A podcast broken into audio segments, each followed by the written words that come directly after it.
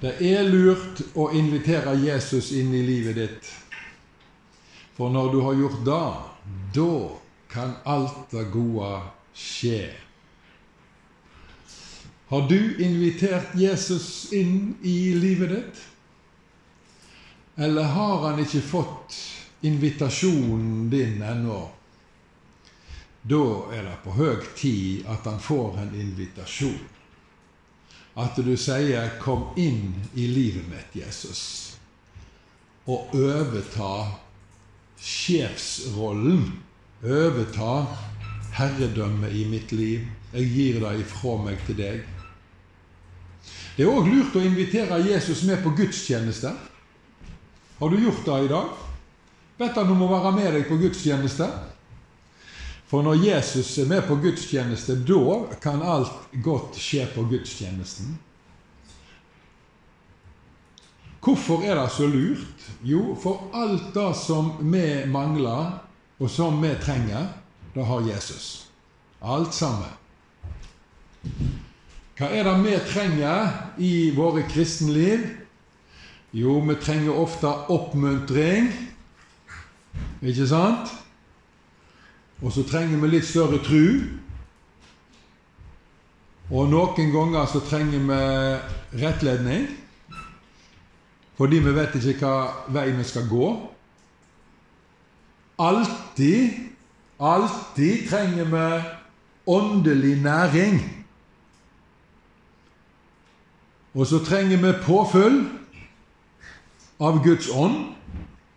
Og så trenger vi ja, utrustning, som det heter som fint. Og da, da betyr vi trenger nye guddommelige evner.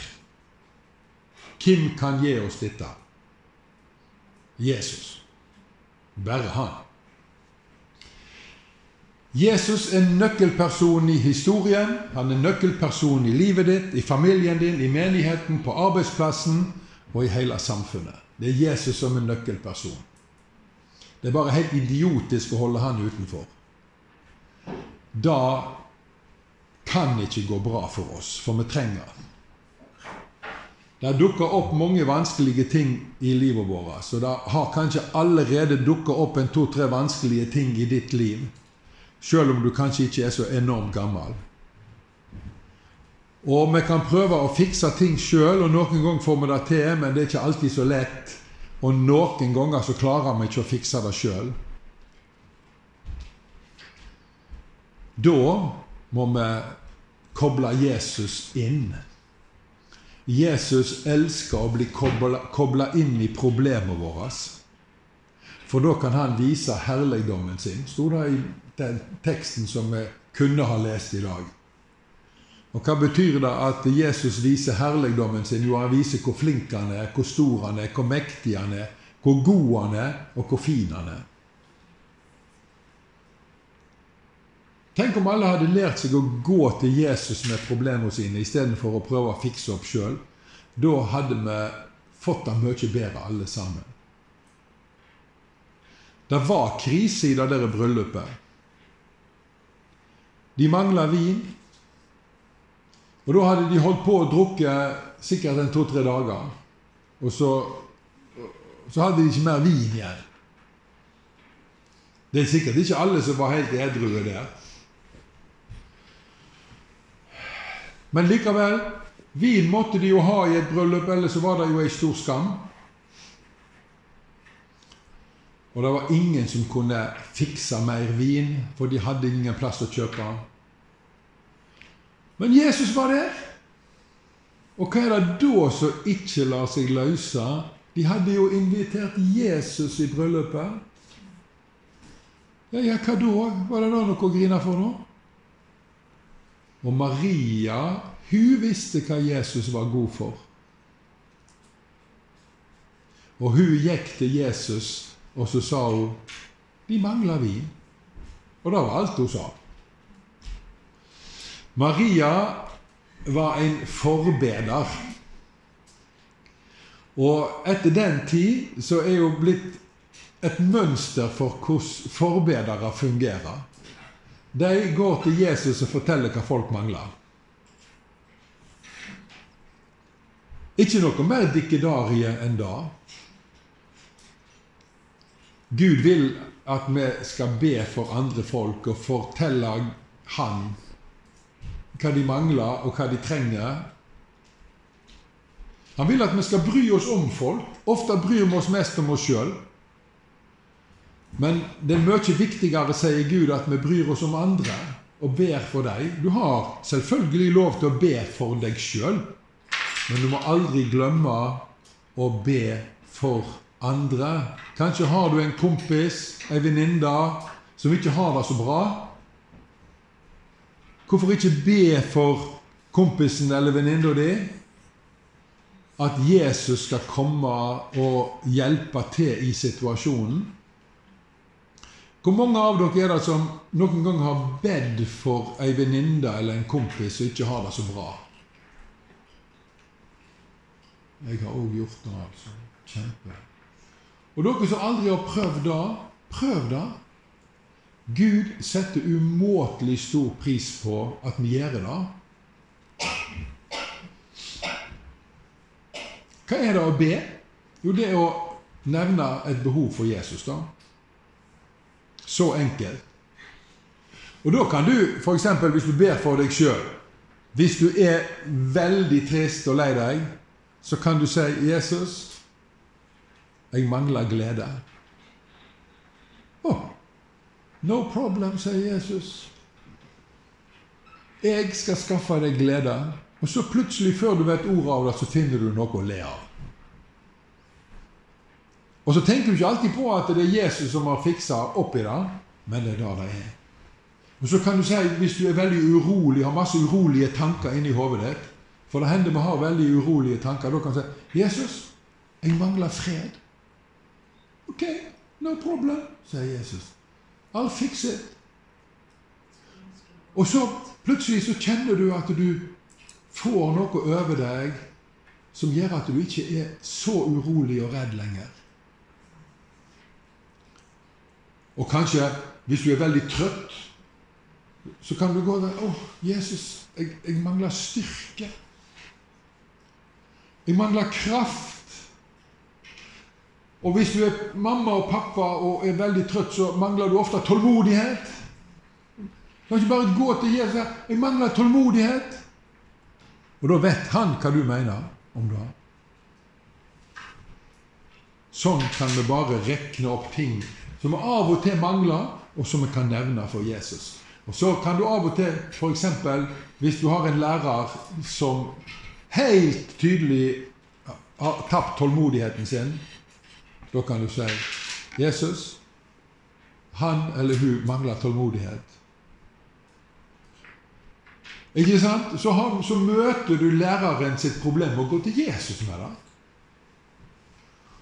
Og av og til så kan de voksne bli sinna.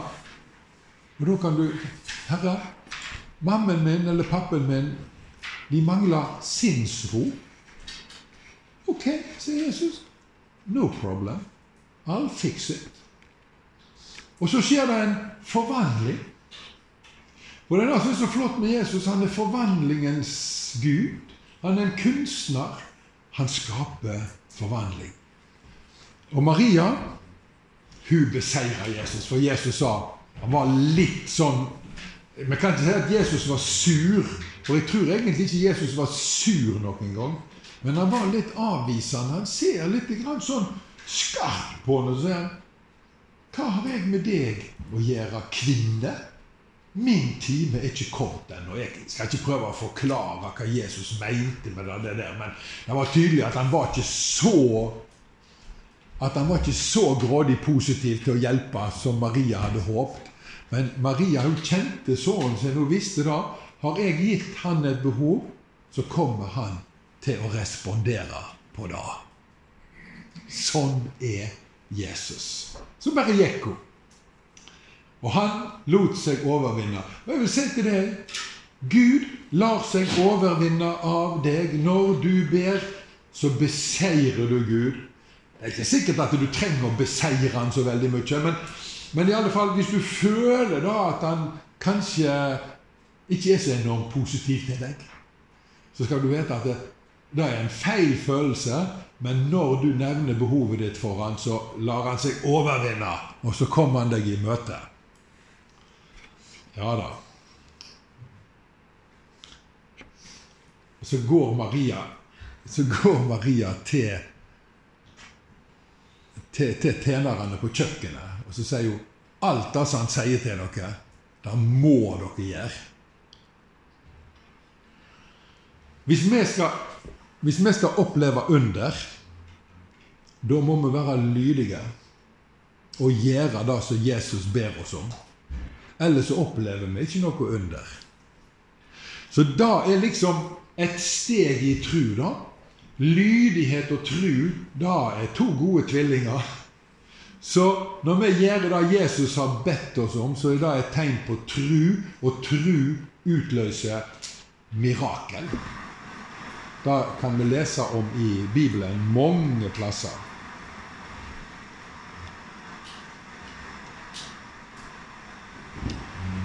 Og, og Jesus Nå ble det litt uh, lydtrøbbel her.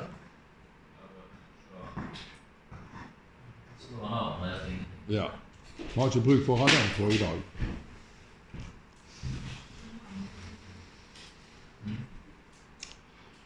Og Jesus, han eh, Er det lyd på her nå, kanskje? Kanskje vi må få litt lyd på den òg? Ja, nei, det er ikke det. Jeg vet ikke om han er skrudd ned lyden. Ja, ja. Og Jesus, han responderte med å lage vin ut av vann. Eh, og da er ikke lett. Vanligvis skal du lage vin, så trenger du mange mange uker og kanskje måneder på å lage god vin. Men Jesus han lagde vin i løpet av noen hundredels sekunder. Jeg syns det er litt spennende å høre når dere som er litt interessert i tid og kristendom. Og nå sier vitenskaps menn og kvinner, evolusjonister, at vi trenger millionvis av år for å utvikle liv slik som det er nå.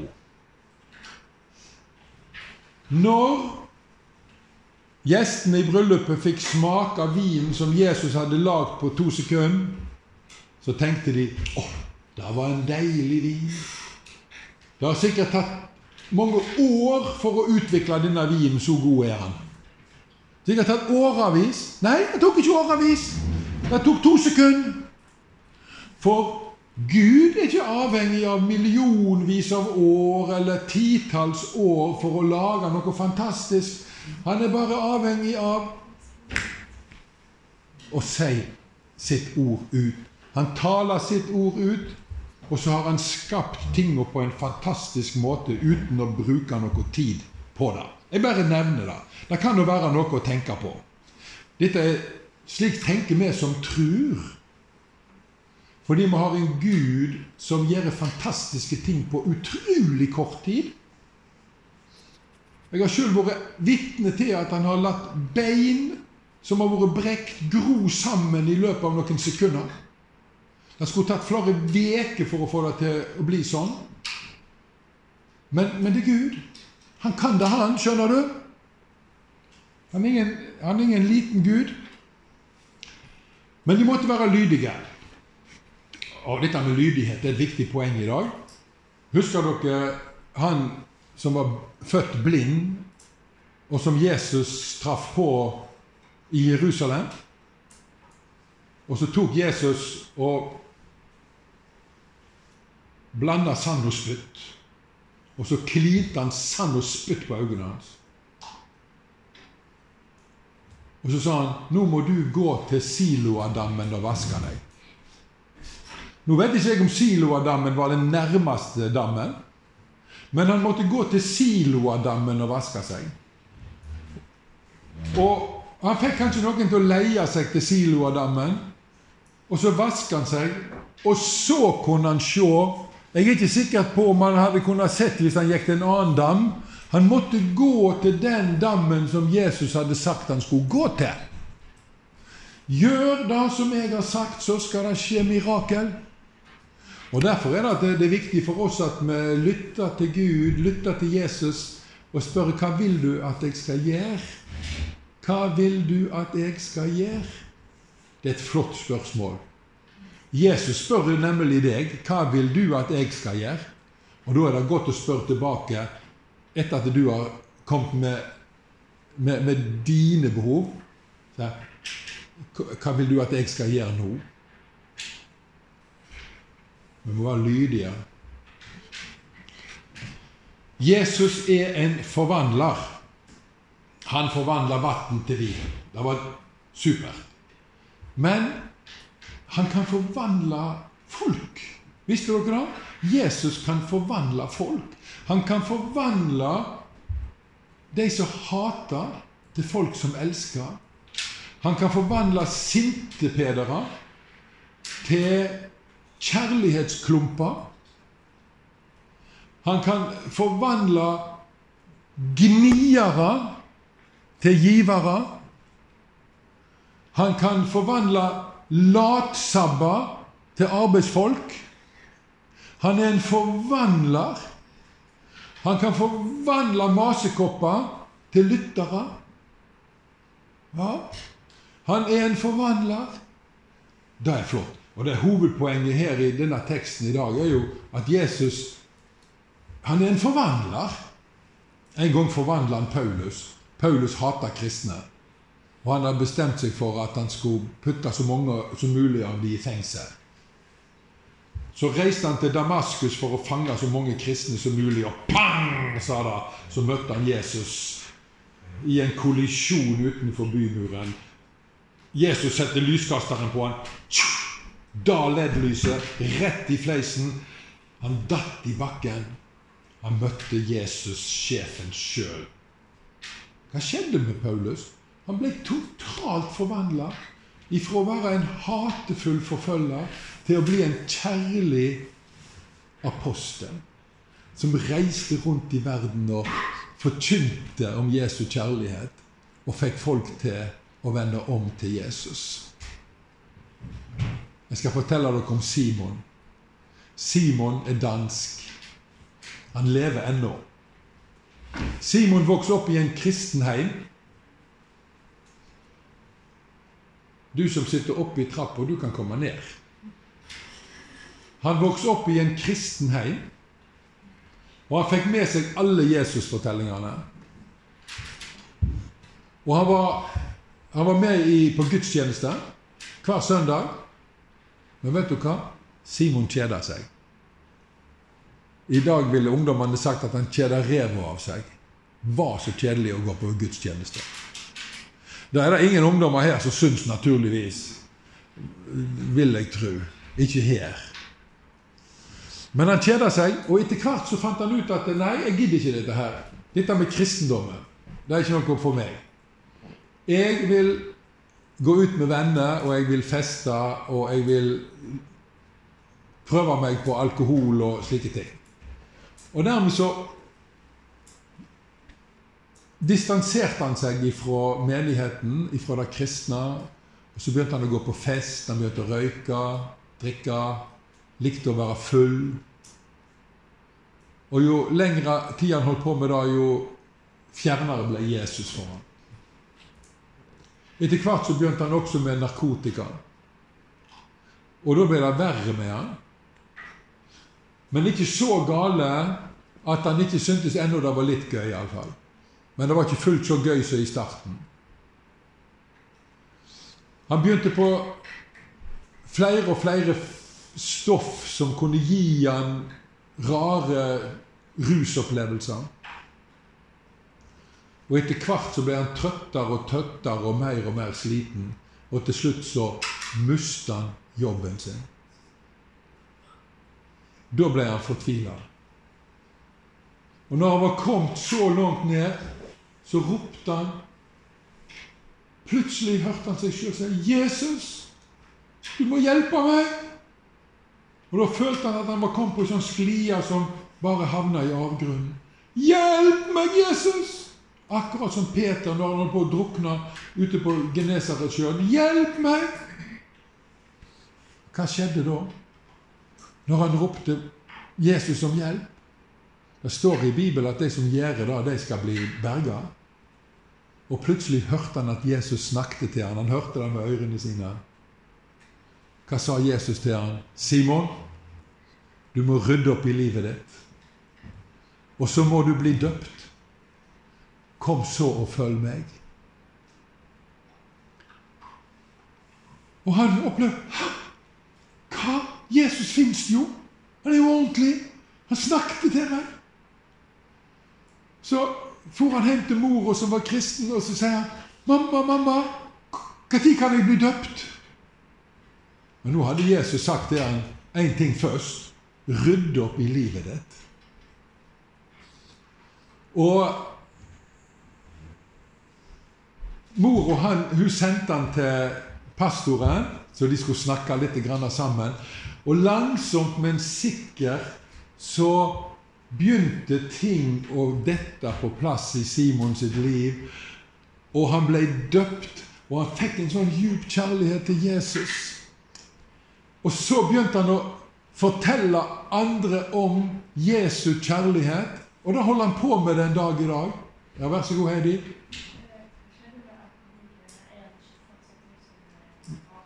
Du, du, jeg hører ikke hva du sier pga. vifta, men du får snakke litt høyere. Eller komme fram. Ikke